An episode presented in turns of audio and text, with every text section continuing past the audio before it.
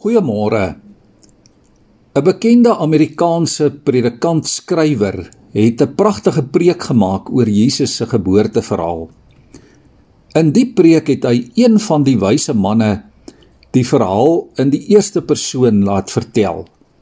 En die vertelling het soos volg geklink: Toe ons drie manne uiteindelik by die geboorteplek kom, was die nag al baie koud en donker.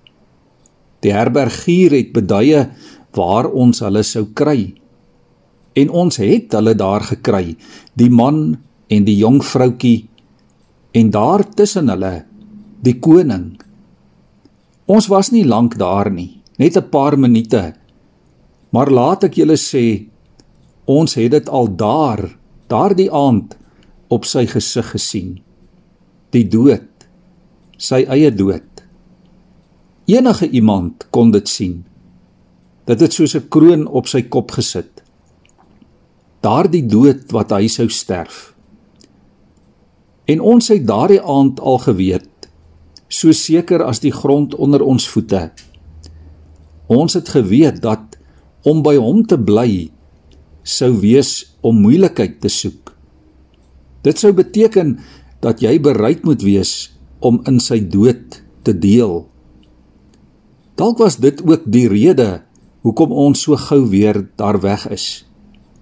Maar nou, na al die jare, vra ek julle broers en die Vader weet ek vra dit ook eerste vir myself.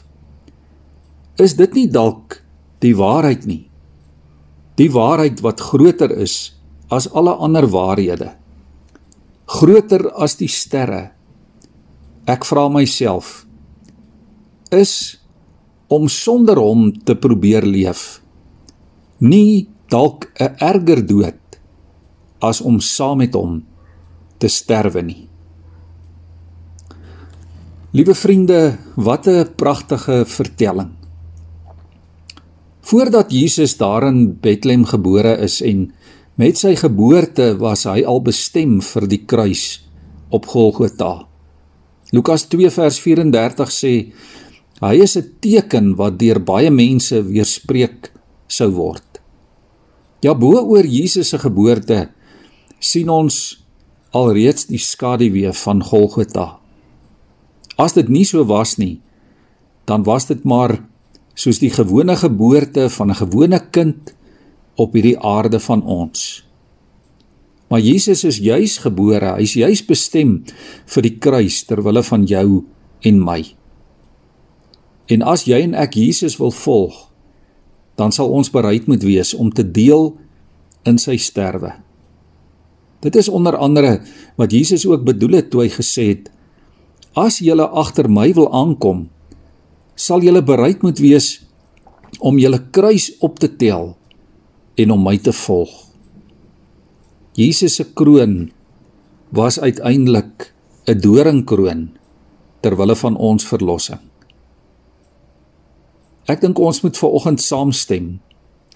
Dit is erger om sonder Christus te probeer leef.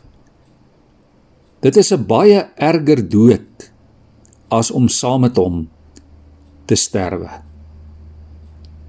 Kom ons lees uit Lukas 2 vers 25. Daar het destyds 'n man met die naam Simeon in Jerusalem gewoon. Hy was getrou aan die wet en vroom en het uitgesien na die koms van die verlosser van Israel. Die Heilige Gees was op Simeon en het aan hom bekend gemaak dat hy nie sou sterwe voordat hy die gesalfde van die Here gesien het nie. Deur die Gees gelei, het Simeon opgegaan na die tempel toe. Toe die ouers die kindjie Jesus bring om vir hom die gebruikelike bepaling van die wet na te kom, het Simeon hom in sy arms geneem en God geprys en gesê: "Here, Laat u dienaar nou in vrede gaan volgens u woord, omdat my oë u verlossing gesien het wat u gereed gemaak het voor die oë van al die volke. 'n Lig tot verligting van die nasies en tot eer van u volk Israel. Sy vader en moeder was verwonderd oor die dinge wat van hom gesê is. Simeon het hulle geseën en vir Maria sy moeder gesê: "Kyk, hierdie kindjie is bestem tot 'n val en 'n opstanding van baie in Israel en tot 'n teken wat weerspreek sal word. Liewe vriende, kom ons buig ons hoofde saam voor die Here. Here, ons vergeet so maklik wat u lewe u gekos het ter wille van ons. Ja Here, dat u u lewe prysgegee het om ons te red. Here, laat ons dit elke dag en spesifiek in hierdie tyd onthou dat 'n lewe saam met u is 'n lewe van prysgawe. Maar Here, dan nie as verloorders nie, maar as oorwinnaars. Laat ons dit hierdie Kersfees 2020 onthou. Amen.